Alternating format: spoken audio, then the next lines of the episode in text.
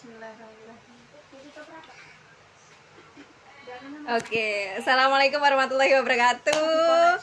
Eh, hari ini hari Senin 13 Desember 2021 Spesial banget podcast catatan harian mama Bisa hadir kembali untuk menemani para pendengar semuanya Dan spesial juga kita live IG Ditemenin sama ini manggilnya apa ya enaknya ya?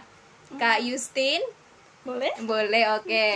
Eh, hari ini Mama Una Nara ditemenin oleh Kak Justin yang kita akan membahas tentang pentingnya kesehatan mental. Kenapa sih? Belum lama ini juga ya Kak Justin kita memperingati yang namanya Hari Mental Sedunia di tanggal 10 Oktober 2021. Nah, ternyata eh, pembahasan ataupun isu tentang kesehatan mental itu juga sampai saat ini tuh masih banyak sekali dibahas dan tapi sayangnya itu untuk kalangan tertentu. Jadi eh, enggak enggak semua orang eh, aware tentang isu ini tentang pentingnya kesehatan mental. Dan spesial hari ini di podcast catatan harian mama kita akan bahas lebih dalam lagi tentang apa itu kesehatan mental. Dan sebelumnya aku kenalin dulu deh mungkin langsung aja narasumbernya kenalan sendiri namanya siapa saat ini aktivitasnya apa dan juga nanti sekalian dijelasin ke para pendengar semua tentang kesehatan mental. Oke. Kita mulai saja ya sekarang. Ya, Assalamualaikum warahmatullahi wabarakatuh. Waalaikumsalam warahmatullahi wabarakatuh. Ya, dengan saya sendiri Justin. Eh, kesibukan saya saat ini itu menjadi guru di Man Satu Magelang. Kemudian juga masih ini ya juga masih statusnya mahasiswa di salah satu universitas di Jogja. Kemudian di sini saya bersama Mbak Sukma. Mama Una Nara. Oh, Mama Una Nara. Mama Una Nara. Heeh. Ini mau ini apa namanya?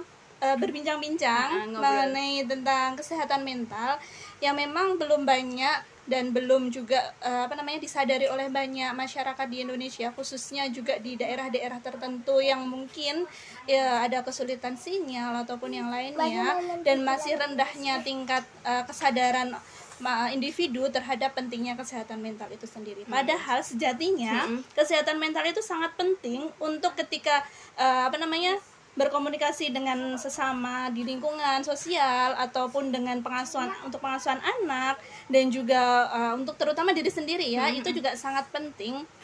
Namun banyak sekali yang belum menyadari akan hal itu. Hmm, itu dia, itu sebagai prolognya ya. Jadi kenapa eh, kita penting banget membahas tentang yang namanya kesehatan mental.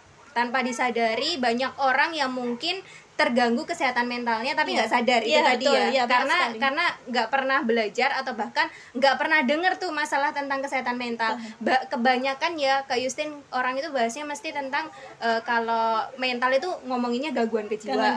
Padahal Terus- tentunya beda sekali Iya. antara gangguan mental dan juga uh, kesehatan mental khususnya dan juga kejiwaan itu memang jauh sekali berbeda. Hmm. Karena memang uh, cabang-cabangnya beda sekali kayak gitu. Jadi banyak ya turunannya Mm-mm, banyak dan ini yang perlu digarisbawahi. Jadi tentang kesehatan mental itu eh, jauh berbeda dengan yang namanya orang ngomonginnya nanti sakit jiwa. Ya nanti mungkin mengarahnya ke arah sana Iya. ya tapi kita lebih spesifik lagi. Kalau pengertiannya sendiri mungkin banyak yang belum tahu para pendengar kesehatan mental itu sebenarnya apa sih?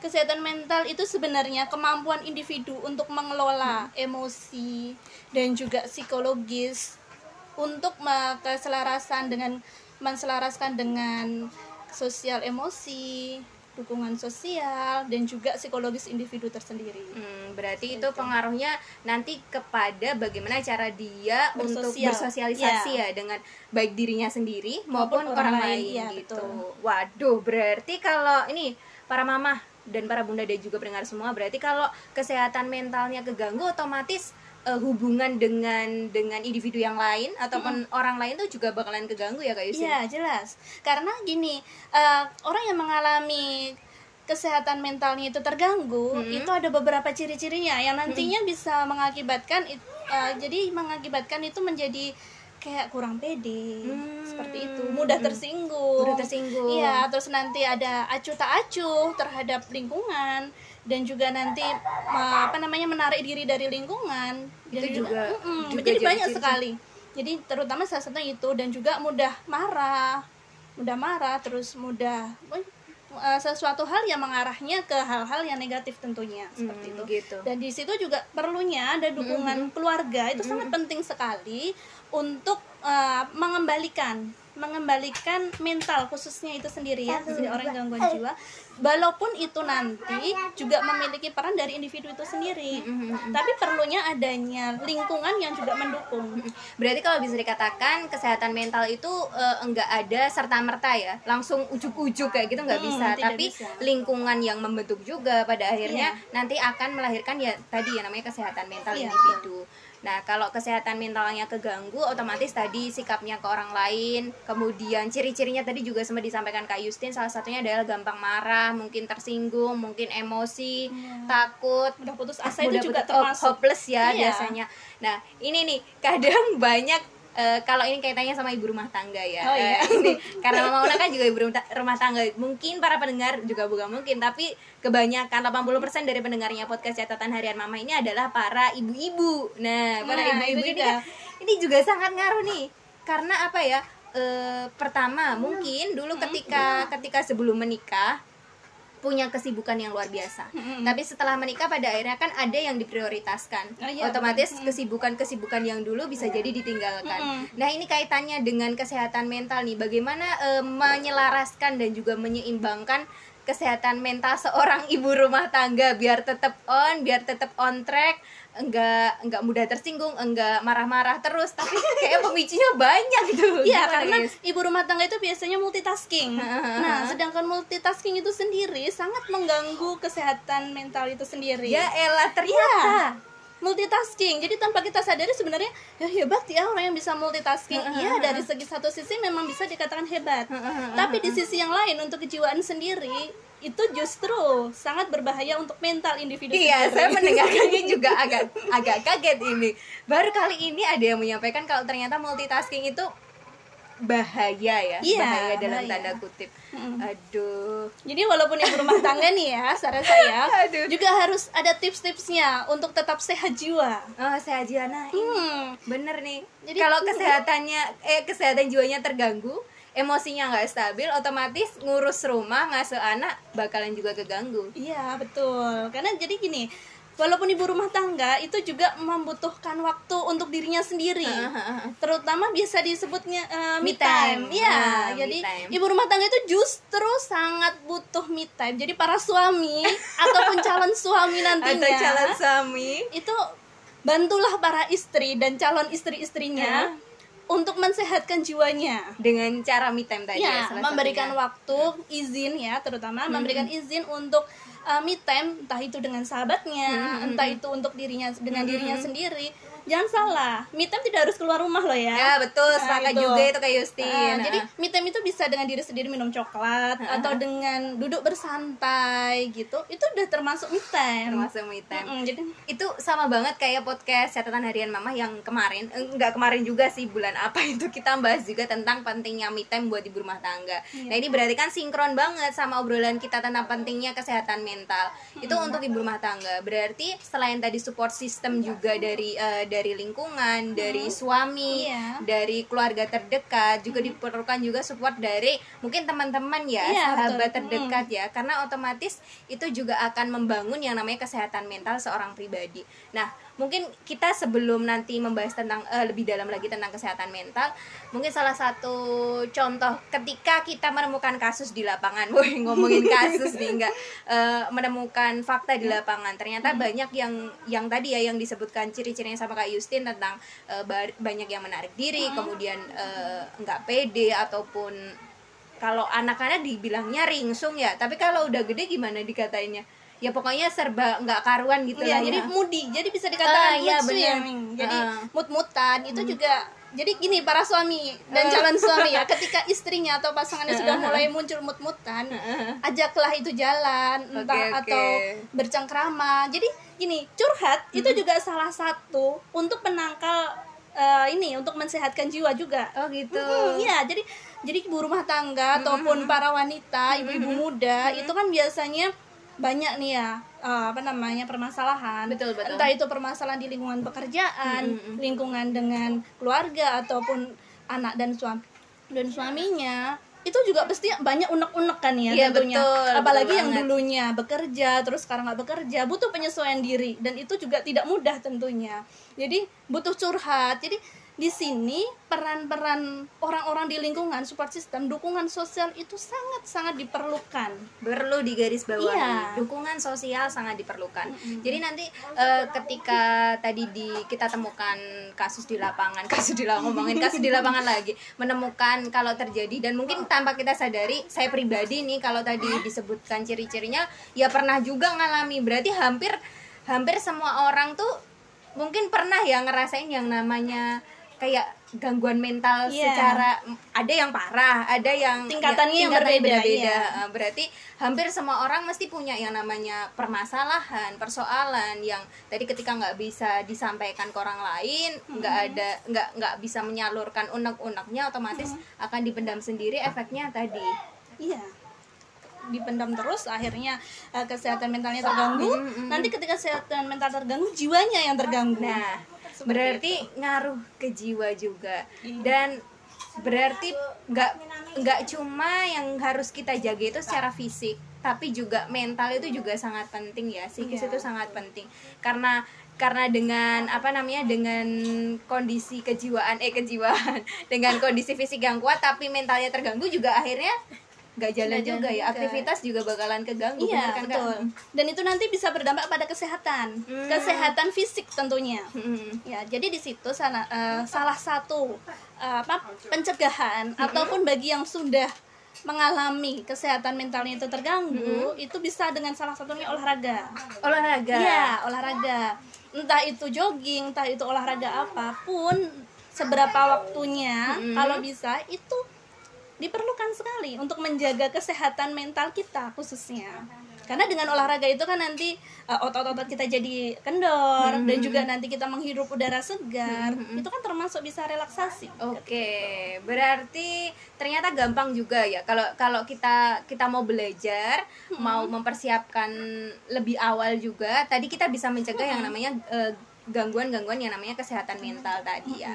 Oke, kita tadi sudah membahas tentang apa itu kesehatan mental, kemudian ciri-ciri atau tanda-tanda ketika orang terganggu ya kesehatan Iya. mentalnya. Nah, ini sekarang kita mm, masuk ke cara bagaimana kita bisa menjaga yang namanya kesehatan mental. Tadi disebutkan sama Kak Justin olahraga. Selain Iya. itu apa Kak? Memberi afirmasi positif terhadap diri sendiri khususnya. Oh gitu. Iya, jadi jadi kadang gini, gimana gimana? kita tuh kan merasa gini ya aduh bodoh nih aku nih. Ya, Ah, itu, iya, benar, ah, benar, itu benar. sebenarnya ngejudge diri kita sendiri. Alam bawah sadar kita itu menangkap oh diri saya tuh bodoh. Oh. Saya tidak bisa. Nah itu justru mengganggu dengan bertumpuk-tumpuknya afirmasi negatif negatif akhirnya menjadilah kepribadian dan diri individu itu menjadi pribadi yang negatif Oke, berarti itu afirmasi ya. Ternyata Iya. berarti itu juga ngaruh juga sama pengasuhan ke anak juga ya. iya betul jadi terutama labeling itu bahaya sekali labeling Kamu loh, Ya. anak nakal kayak nah gitu. itu kan lama-lama di di labelin nakal di labelin bodoh alam bawah sadar itu oh aku nih bodoh aku nih nakal. Akhirnya ke perilakunya pun juga mengarahkan hal yang negatif. Aduh nih, hati-hati nih ya ibu-ibu para mama di rumah. Jangan sampai ketika marah sama anaknya eh, keperucut aduh apa bahasa Indonesia itu Eh, keluar Keceplosan eh, ya, keceplosan ya. keceplosan kata-kata yang nggak baik pada akhirnya nanti mengganggu kesehatan mental si anak Iya. jadi nggak cuma nggak cuma orang dewasa aja tapi ternyata anak-anak juga Iya. bisa kena ya kesehatan mental iya betul bullying ya itu salah satunya dampak negatifnya Oke. itu juga Mm, mm, mm. Jadi dari kata-kata akhirnya bisa kalau kita nggak pandai-pandai ini bisa mempengaruhi yang namanya kesehatan mental. Oke, selain tadi olahraga, kemudian afirmasi positif, ada apa lagi kak? kemudian relaksasi. Mm-mm. relaksasi. Selain relaksasi juga ada ini dalam Islam ini dikaitkan dengan agama juga ya itu bisa dengan meditasi untuk agama yang non muslim ya tentunya meditasi. Kemudian ada juga zikir untuk yang muslim dan juga berdoa. Itu salah satunya. Salah satunya. Mm. Ternyata ya ternyata di balik ibadah pun juga jadi salah satu kalau dikatakan terapi bener nggak sih kak Iya bisa. bisa dikatakan terapi Iya. juga ya Karena gini, ketika kita berdoa, kita ketika kita berzikir, itu Mm-mm. tentunya kita mencari situasi yang tenang. betul Ketenangan jiwa itu sangat dibutuhkan ketika kita akan menyembuhkan mental. Mm-mm. Jadi ketika kita berzikir, alunan-alunan doa dan Mm-mm. situasi yang mendukung saat itu, Mm-mm. itu memungkinkan untuk kembalinya jiwa yang sehat. Oke. Dari segi ibadah udah tadi Mm-mm. kemudian dari sisi apa namanya fisiknya di digenjot atau dikejar dengan cara olahraga. Kemudian tadi afirmasi alam bawah sadar ya, afirmasi Iya. positif dari alam bawah sadar itu juga berpengaruh tentang kesehatan mental. Untuk yang mau bertanya, untuk yang mau bertanya bisa nanti langsung apa namanya komen di bawah di bawah ini. Mana nih? Di bawah ini di bawah ini nggak ada. Komen nanti kita balesinnya via DM juga bisa. Ataupun yang belum bisa tanya hari ini tanya via chat juga. Chat bisa. Eh, enak banget ya. Ya ini nggak apa-apa. Hari ini hari spesial karena siang hari ini selain kita ngobrolin tentang kesehatan mental juga yang tadi kaitannya dengan ibu rumah tangga tentang pengasuhan anak kalau eh, Kak Yusin sendiri pernah nggak Iya. di dicurhatin atau kalau enggak pernah menemukan kasus tentang orang yang benar-benar keganggu kesehatan mentalnya khususnya cewek nih perempuan nih Iya. aduh ini anaknya siapa sih Mbak Una Jadi sangat sering sekali hal itu. Jadi terutama ya, terutama ibu-ibu yang sudah memiliki lebih dari satu anak. lebih dari satu anak Ya, kalau masih anak satu itu mungkin jadi istilahnya hmm, tidak begitu riwah ya dalam pengasuhan. Tapi ketika sudah lebih dari satu, itu sangat memungkinkan stresor-stresor itu muncul. pemantik-pemantik Iya, emosinya pemantik ya emosinya muncul banyak sekali. Jadi terutama yang satu minta digendong, yang satu minta makan. Itu kan multitasking akhirnya si ibu. Iya. Nah, itu ketika para suami nah ini lagi-lagi ya, para suami tidak membantu tidak membantu pekerjaan rumah pengasuhan anak Heeh. ya mohon maaf sekali kesehatan mental istrinya yang terganggu Oke, dipertanyakan itu nanti ya. Aduh, jangan sehat atau enggak? Tahu-tahu istrinya senyum-senyum sendiri, senyum-senyum karena apa? Karena mangkel atau senyum-senyum karena apa?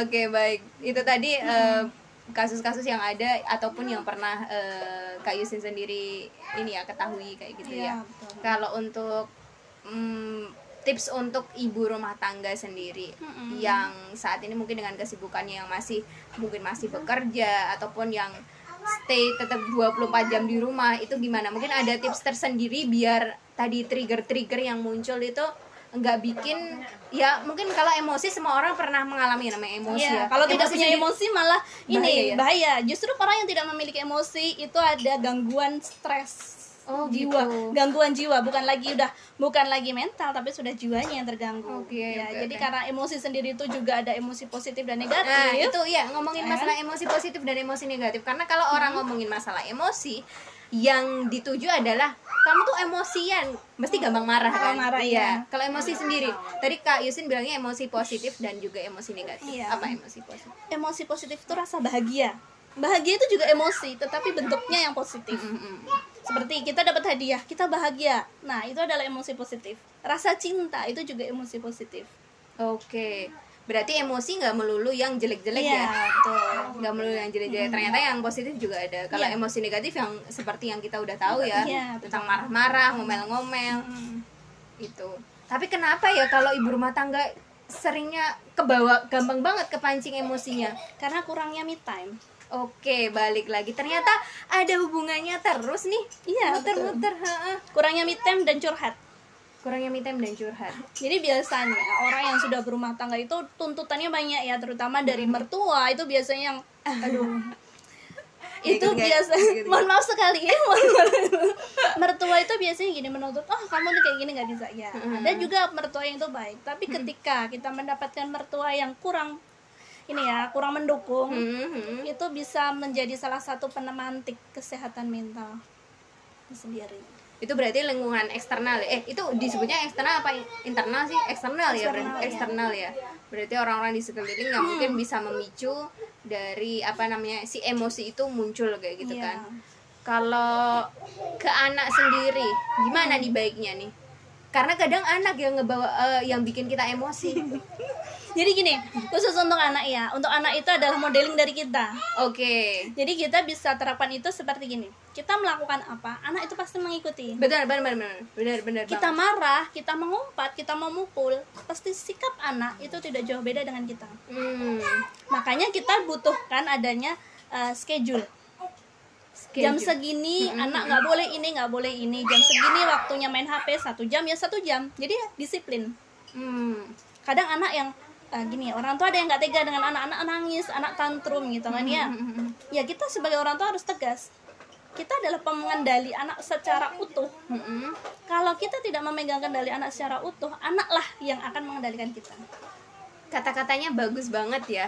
Orang tua adalah pemegang kendali anak. Kalau kita nggak bisa ngendaliin anak, otomatis anak yang akan mengendalikan orang tua. Iya, tetapi Mm-mm. bukan berarti otoriter lah ya. Oh iya, oh ini hari- eh, harus dibedakan Ini nih. beda. Karena gini, kita juga harus bertanya pada anak. Sebenarnya keinginan anak bagaimana? Mm-mm. Ketika itu tidak sesuai dengan norma, tidak sesuai dengan aturan yang kita bikin di lingkungan, ya kita arahkan. Oke. Jadi bukan malah nanti anak yang stres loh ya, karena dilarang-larang ini enggak, tapi tetap anak diberi ruang untuk sebenarnya kemauan anak itu apa, bagaimana. Ketika tidak sesuai kita arahkan sebaiknya seperti ini, tidak boleh itu, tidak boleh ini. Oke. Berarti tetap eh, meskipun disiplin eh meskipun apa nam ada Pengendali utama. pengendali utama, ada batasannya, tapi juga memberikan ruang kepada anak kita untuk ada iklannya lewat padahal bukan sponsor ya. Eh, tapi tidak tadi sampai apa nih Pengendali utama. Oke, meskipun tadi dikatakan orang tua adalah pengendali utama, tapi tetap harus harus memberikan ruang kepada anak untuk meminta pendapatnya. Iya. Benar kan? Ya, karena itu juga sal- salah satu hak anak ya Hmm, untuk keinginannya itu di- tercapai. Tetapi tentunya ada batasan-batasan khusus.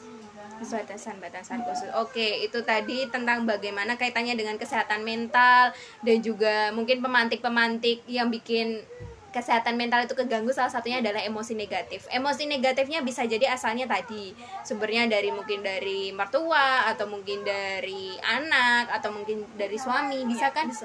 Bisa banget ya. Bisa banget. Kalau- suami tuh gini. Gimana, ada gimana? suami yang ini agresif. Jadi yang gini, Agresif agresif, dalam dalam, artian gini. Apa kemauannya harus? Maunya cepet cepet cepet selalu cepet. Sedangkan istrinya sedang melakukan ini hal yang lain gitu kan. Itu juga bisa. Istrinya jadi stres. Oke. Jadi peran penting itu adalah intinya adalah orang-orang yang di sekitar individu tersebut. Kalau yang udah berkeluarga ya biasanya anak, mertua, suami tentunya ya. Jadi para suami bantulah kesehatan dan dukunglah kesehatan mental istri-istri Anda sekalian. Karena suami itu biasanya gini ibu-ibu tuh ya, kalau udah banyak kerjaan, cucian piring numpuk, terus cucian baju numpuk, biasanya kan marah ya gitu Iya, kan. emosi nggak tahu kenapa kepingnya marah aja. Iya, karena kerjaannya apa-apa belum, masih banyak anaknya rewel lagi. Di situlah peran suami. Jadi gini, suami istri itu kan satu tim. Iya, betul. Jadi harus ada saling uh, saling membantu, saling dukung untuk mensukseskannya bahtera rumah tangga dan kesehatan mental istri sendiri. Tapi Kak, sebentar. Ngomong apa yang disampaikan Kak Yustin ini bi- bikin saya ketawa-ketawa sendiri karena emang bener. Tadi masalah kalau dibilang masalah, itu kan sebenarnya masalah kecil ya. Kenapa masalah cuci piring aja jadi masalah? Ya sebenarnya nggak nggak sebenarnya awalnya nggak jadi masalah, tapi gara-gara cuciannya numpuk dan lain sebagainya jadi masalah. Suami udah nggak bantuin, ya itu jadi masalah Iya, ya kan? Yang suaminya asik main game, main HP, chat-chatan dengan temannya lah. Siapa yang gak marah ya kan? Iya betul betul.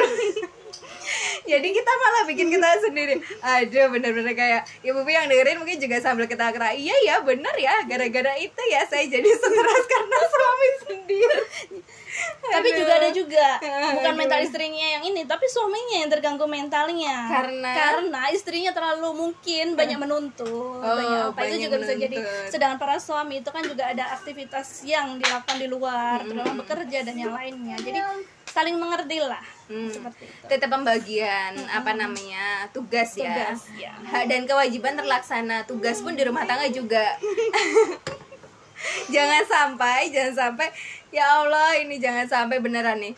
Yang hal-hal yang kecil ini bisa jadi pemicu yang namanya eh, pertengkaran di dalam rumah tangga. Ya. Iya kan? Ngomonginnya hal kecil tapi ternyata nanti dampaknya dampaknya ya. efeknya bisa bisa gede banget. Oke, baik. Eh, pendengar podcast catatan harian mama ini baru sebenarnya baru awal banget ya kalau ngomongnya tapi benar-benar apa yang dikatakan kak Justin ini menu ini real dan kita sebagai seorang wanita ibu khususnya sering banget mengalami yang namanya ini tadi yang disebutkan semua ini. Ya Allah aku jadi antara mau sabar-sabar atau ketawa sendiri. Oke untuk yang yang mau tanya kita masih tunggu pertanyaannya. Yang mau bertanya monggo silahkan bisa tulis di kolom komentar ataupun yang mau tanya via DM juga bisa ya. Iya. nanti kita eh, dijawab sama Kak Justin setelah podcast ini selesai kayak gitu dari tentang kesehatan mental, tentang pengasuhan, tentang hubungannya sama keluarga, sama istri, sama suami kayak gitu. Nah, kalau eh, sebagai peran seorang sahabat untuk mensupport sahabatnya biar kesehatan mentalnya nggak terganggu, gimana? kita dengarkan curhatnya jadi jadi eh, gini sahabat itu kan fungsinya itu kan wadah ya. Wadah atau bisa dikatakan tong sampah lah ya gitu kan.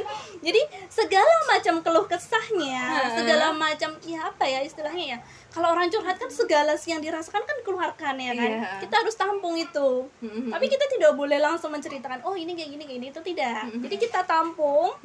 Terus kita kasih saran tentunya untuk mensukseskan kesehatan mental itu sendiri, menjaga supaya tetap sehat mental. Kemudian kalau perlu diajak keluar atau enggak di rumah aja sambil entah makan apa, entah melakukan aktivitas yang bisa membuat bahagia, memicu emosi positif itu bisa. mengembalikan hormon-hormon kebahagiaan seorang perempuan kayak gitu. Tapi kalau eh, tentang kesehatan mental sendiri sebenarnya benar nggak ini yang dikatakan bahwasannya banyak yang mengalami gangguan kesehatan mental itu lebih ke cewek. Iya betul. Karena gini, kalau per- eh, perempuan Mm-mm. itu kan biasanya melakukan aktivitas multitasking. Mm-mm, yang tadi disebutkan di Iya. awal ya. Kalau laki-laki itu kan tidak bisa. Oh iya, Karena memang sel otaknya itu memang terfokus. Laki-laki itu gini, ini jadi ke mana-mana ini. jadi sel otak laki-laki Mm-mm. Itu hanya untuk melakukan saat fokus pada satu pekerjaan. nggak bisa disuruh dengan yang lainnya. Iya. ya? Mm-mm. Sedangkan perempuan Mm-mm. itu adalah melakukannya multitasking. Jadi tangan kanan bisa sambil gendong, tangan kiri bisa sambil nyapu atau kebalikannya. Nanti pikirannya sudah nanti masak apa, masak apa ya. Iya benar. Berarti itu juga yang memicu juga ya. Iya, betul. Jadi gimana? Harusnya bangga atau enggak sih kita mau jadi ibu multitasking nih? Bisa dikatakan bangga, memang bisa. Karena kita wah kita nih bisa ya melakukan apa. Tapi harus diimbangi dengan afirmasi positif terhadap diri kita dan adanya pengendali. Adanya pengendali. Oh, ini menarik nih. Iya. Kenapa pengendali nih? Pengendali jadi ketika Pengendali angin.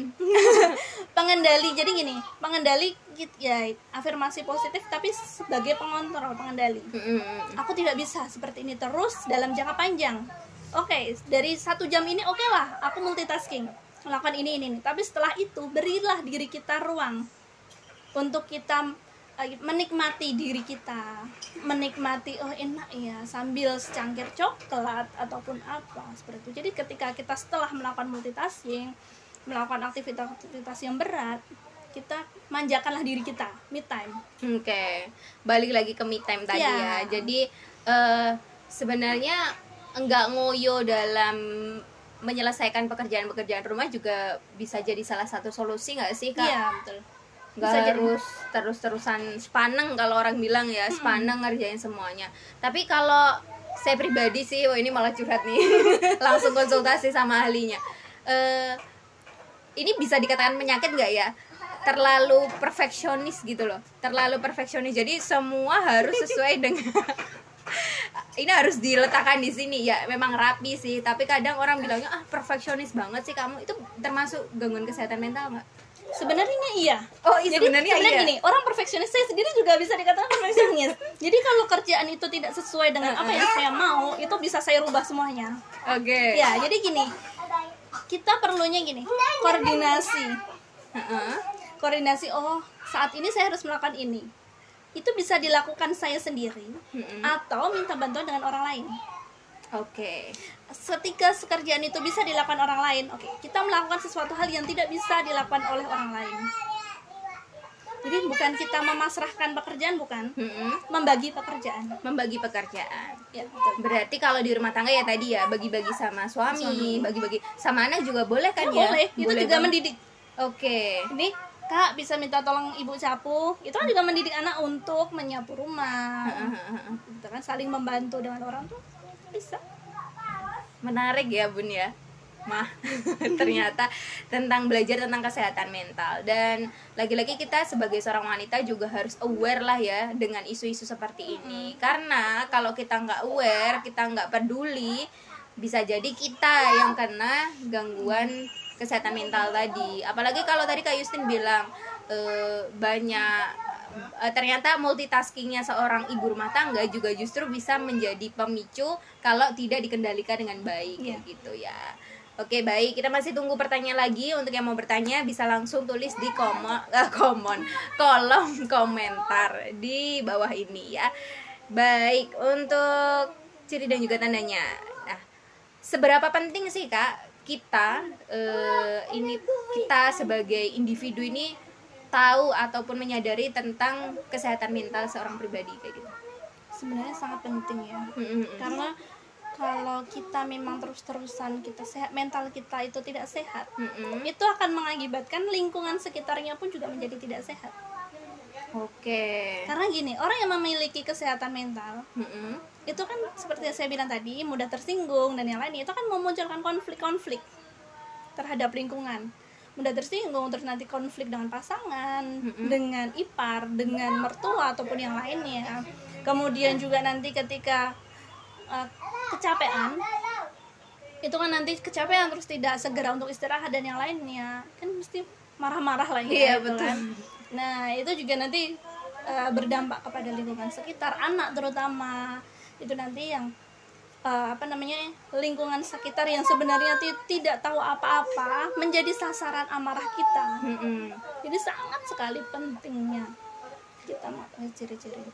Oke, sangat penting sekali kita belajar, paham, dan tahu dan tentu saja bisa mempraktekkan tadi ya bagaimana caranya untuk menjaga yang namanya kesehatan mental karena kalau sampai kesehatan mental terganggu dampaknya nggak cuma buat diri kita sendiri tapi lingkungan. Tapi benar sih yang dibilang sama kak Justin kalau seorang istri seorang ibu eh, ketika kondisinya dia dalam kondisi capek titik lelah kerjaannya masih banyak imbasnya mesti pertama kali ke anak. Iya, karena anak itu kan dirasanya uh, individu ya, individu yang lemah. Kalau dengan individu yang kuat kan mesti kita mikir nih iya ya. bener bener Oh, duh, saya nggak berani nanti kualat nanti apa gitu kan ya. Kalau anak itu kan individu yang lemah bagi menurut kita ya kan. Iya, bener-bener. Jadi itu adalah sasaran empuk kemarahan kita. Kakak nih gini gini gini. Nah, itu kan. iya ya astagfirullahalazim ini ya para bunda jadi habis dengerin astagfirullahalazim bener-bener iya bener sih kak Yustin tanpa kita sadari kok saya menganggap anak saya lemah ya ternyata ya iya kak soalnya gitu kalau tiap marah kenapa bawaannya tuh emosi? Karena nggak ada misal suami belum balik kerja ya. Mm-mm. jengkel pekerjaannya banyak. Ini yang jadi sasaran empuk anak anak ada tiba-tiba dimarah-marahin nggak? Kenapa-napa dimarah-marahin? Ya, marah sama orang tuh sepertinya takut. Kan? Ya. tapi marah sama anak sering. Nah ini aduh ini ibu-ibu pada istighfar. Astagfirullahaladzim. Tapi buka bu ini penting juga nggak cuma buat para ibu ya? Kalau untuk apa namanya mungkin eh, teman-teman yang masih single di luaran sana pekerjaan juga ngaruh Iya, kan ngaruh sekali. Jadi Gimana gini, soal pekerjaan atasan terutama biasanya jadi, kamu harus gini deadline seminggu harus gini gini ya sedang individu jiwanya sendiri itu tidak kuat atau mungkin sedang ada masalah yang lain Mm-mm. kalau tidak memungkinkan untuk curhat dengan orang kita bisa tulis diary Oke, ada yang masih sampai sekarang tulis di diary saya.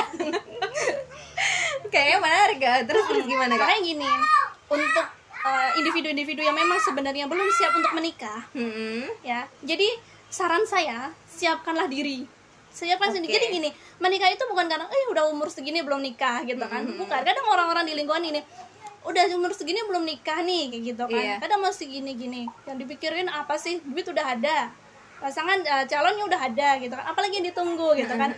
Ya mentalnya mungkin yang belum siap ya karena apa?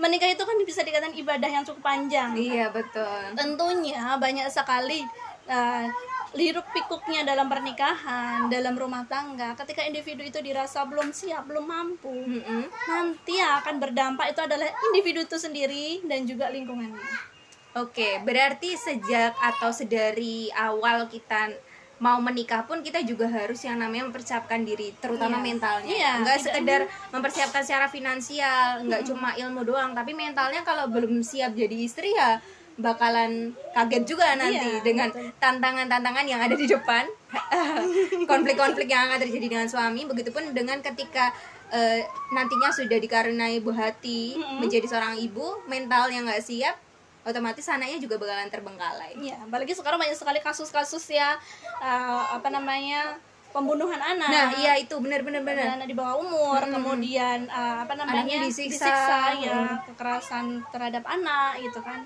Ya memang sebenarnya tidak hanya perempuan yang harus disiapkan, laki-laki itu pun juga makanya ada yang sering di KDRT. Heeh. Itu mungkin tidak siapnya mental seorang laki-laki menghadapi ya mungkin terjadinya perbedaan lah ya sebelum dan sesudah menikah itu. Jadi mungkin mentalnya belum siap itu yang menjadi salah satu pemicunya.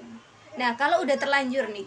Kita kan udah nikah nih, ibarat kata udah nikah, udah terlanjur. Tadi ba- baru dengar tentang apa namanya teori ataupun materi tentang kesehatan mental baru-baru ini. Tapi udah terlanjur terjadi nih. Apa yang harus atau apa yang bisa kita perbaiki dari sisinya kita dan juga eh, lingkungan sekitar kita. Itu pentingnya pilot talk Oke. terhadap pasangan. Oke, oke, oke. Jadi gini, kadang itu kan ke- para suami itu udah capek kerja, Mm-mm. sehingga kurangnya mendengarkan curhatan istri. Iya, padahal kalau istri nggak didengerin curhatannya bawanya bete. Iya, Iya kan? betul. Bener kan? Istri kayak gitu. Mungkin para bunda ketawa-ketawa juga karena ya emang benar kayak gitu. Ya, jadi pilot talk itu untuk pasangan suami istri sangat sekali dianjurkan. Oke, ngobrol sebelum tidur. Iya. Karena gini, menjelang tidur emang itu tumpukan rasa capek ya. Tetapi dengan kita berbaring, kita dengan suasana rileks, empuk, mendengarkan kan enak. Oke. Posisi rileks untuk mendengarkan curhatan istri dan istri juga bisa curhatnya dengan mengalir, mengalir, mengalir. Itu kan lebih nyaman. Terurai ya masalah. iya. Heeh. Dan bangun tidur udah fresh. Karena udah lega, unek-uneknya udah tersampaikan, udah keluar tidak menutup mendegel di dalam hati gitu lah ya. Mm, mm. Berarti itu eh, nih tipsnya yang kalau udah terlanjur ibaratnya udah kemarin-kemarin wah kayaknya ini ada yang keliru nih di hubungan kita atau ada yang keliru nih di sayanya sendiri. Nah, ini bisa dilakukan dengan eh, kalau sama pasangan berarti ngobrol sebelum tidur pilot Iya. talk. Kalau sama yang belum punya pasangan gimana? Ngomong sama diri sendiri, bener? Atau gimana? Afirmasi positif. Oke, lagi-lagi berarti kita juga bisa ya apa ngomong sama diri diri kita sendiri apa yang jelek ya jangan di jangan dilanjut apa yang kemudian memaafkan diri sendiri termasuk nggak sih kak Iya. Jadi gini, kadang kita merasa bersalah loh sama diri kita sendiri iya karena ada permasalahan yang belum selesai. Jadi alam bawah sadar kita itu masih merekam. oke Karena masalah itu bertumpuk bertumpuk dan belum selesai. Itulah makanya terganggunya, terganggunya ini apa namanya? Hmm, per- proses perkembangan. Proses Ya, perkembangan dan Oke. kematangan sosial emosi. ternyata. Ya. banyak ya. Gimana sih or- orang-orang psikologi kok bisa sih? Apa mereka juga nggak punya masalah? Kebanyakan soalnya teo- teorinya kan banyak tuh. Teori banyak tentang tentang apa namanya? Tentang teori eh, berkaitan dengan psikisnya orang terus banyak dicurhatin orang-orang yang punya masalah. Apa mereka mereka atau teman-teman yang belajar psikologi itu juga nggak punya masalah karena udah punya ilmunya banyak nggak juga Enggak juga. Jadi orang psikologi itu bisa dikatakan berubah jalan. oh berubah jalan Iya. bahasanya oke Bisa dikatakan berubah jalan. Jadi kita ada masalah nih terhadap diri kita sendiri, Ah, ah, ah. terutama masa kecil kita. oke ya inner kan? child ya Hmm. Ah, ah, ah. Tuh yang belum terselesaikan. Dengan kita mendapatkan teori-teori, masukan dari dosen, Mm-mm. akhirnya kita bersahabat dengan dengan masalah. masalah itu. Oke. Kita bersahabat dengan masalah itu. Oh kayak gini. Oh berarti aku kayak gini. Oke aku harus bagaimana? Nah solusinya sudah ada di dalam teori itu Oke sendiri baik, jadi bukan berarti teman-teman yang belajar ilmu psikologi ini nggak punya masalah ya? Wah Tentunya jangan, ada, tentunya ada. tentunya ada. Jadi nggak terlepas yang namanya masalah. Jadi setiap individu mesti bakalan punya dan menghadapi yang namanya masalah. Tapi bagaimana tadi kaitannya dengan kesehatan mental, bagaimana bisa eh, mengkondisikan atau berdamai dengan apa namanya kesehatan jiwa yang kita miliki. Oke, Nah, itu pentingnya belajar. Kayak gini karena kan ada pepatah eh, belajar itu sepanjang masa. Ya itu. Jadi mungkin kesehatan mental ini zaman dahulu kala itu belum eh, belum menjadi booming seperti sekarang. Oke oke. ha, ha, padahal rumah tangga sudah berjalan puluhan tahun Ya, sudah bener. berjalan belasan tahun gitu kan nah pentingnya kita selalu belajar memperbaharui ilmu kadang ilmu yang kita miliki itu sudah expired Oke, udah mungkin lawas. dulu itu ya bisa teori itu bisa masih berlaku untuk menyelesaikan permasalahan tapi kan lingkungan selalu dinamis Mm-mm. selalu berjalan berjalan berkembang kita harus juga upgrade ilmu-ilmu kita Betul ya. Betul ya ibu-ibu. Jadi meskipun sudah menjadi ibu-ibu ataupun calon ibu, jangan berhenti atau jangan lelah untuk belajar. Iya. Belajar apa pun. Nah, salah satunya adalah belajar tentang kesehatan mental. Sebelum kita close, ini sudah jam berapa? Oke, oh tinggal lima menit lagi nggak kerasa cepet banget padahal ngobrolnya kayaknya terbuai dengan ini obrolannya bikin bikin kesehatan mentalnya balik lagi nih yang tadinya keganggu jadi atau makin keganggu nih ya lima menit sebelum kita eh, closing atau tutup podcast catatan harian mama di kesempatan hari ini closing statement dari atau pesan-pesan yang bisa kak Yusin sampaikan untuk para pendengar semuanya tentang kesehatan mental Oke. Untuk kesehatan mental sendiri, jadi gini, cintailah diri kita sendiri, apa pun itu bentuknya. Karena kadang kita itu menolak apa yang diri kita miliki. oke Jadi menerima kita afirmasi terhadap diri kita sendiri. Oke, tidak apa-apa seperti itu. Mungkin bis- dengan berjalannya waktu apa kita bisa menjadi pribadi yang lebih baik. Jadi Oke. kita jangan gimana ya? Menolak apa pun yang kita miliki. oke Kita terima aja, kita terima, terus kemudian kita afirmasi diri, oh ya, mungkin seperti ini, seperti ini, seperti. Oke baik, cintailah dirimu apa adanya. Ya, betul.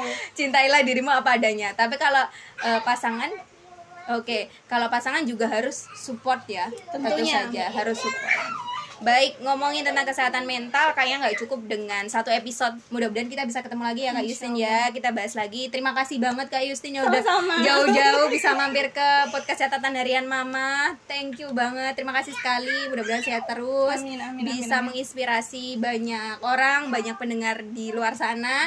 Dan terima kasih juga kita sampaikan kepada para pendengar semua di podcast catatan harian Mama yang sudah mendengarkan podcast ini. Ketemu lagi insya Allah di episode berikutnya. Saya Sukmahani alias Mama Unanara.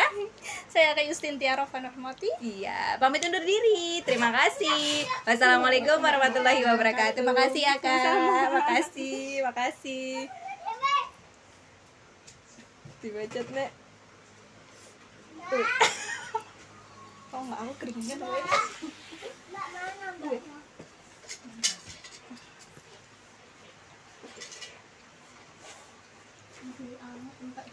Nek kecewa itu termasuk Konsultasi silakan bu. kode kode kode nek oleh tanya. Aduh, maksudnya mau yo. Oh kecewa itu rasa kecewa itu termasuk emosi negatif, tetapi bisa kita kelola menjadi emosi positif dengan cara kita kecewa nih sama kita janjian kan terus rasido nah terus oh nggak apa-apa mesti ada hikmah di balik ini mesti akan ada ini Gimana kita bisa menyikapinya? Apa nih? terus tangan letek sesi aku keringan Wah, bebannya berat kayak gini. nggak nih kakek gue di nganu apa dingin kan sing biyen kalau mengsal bertemu dengan sikil Aku ngantek nganu yo, ngantek panas ya.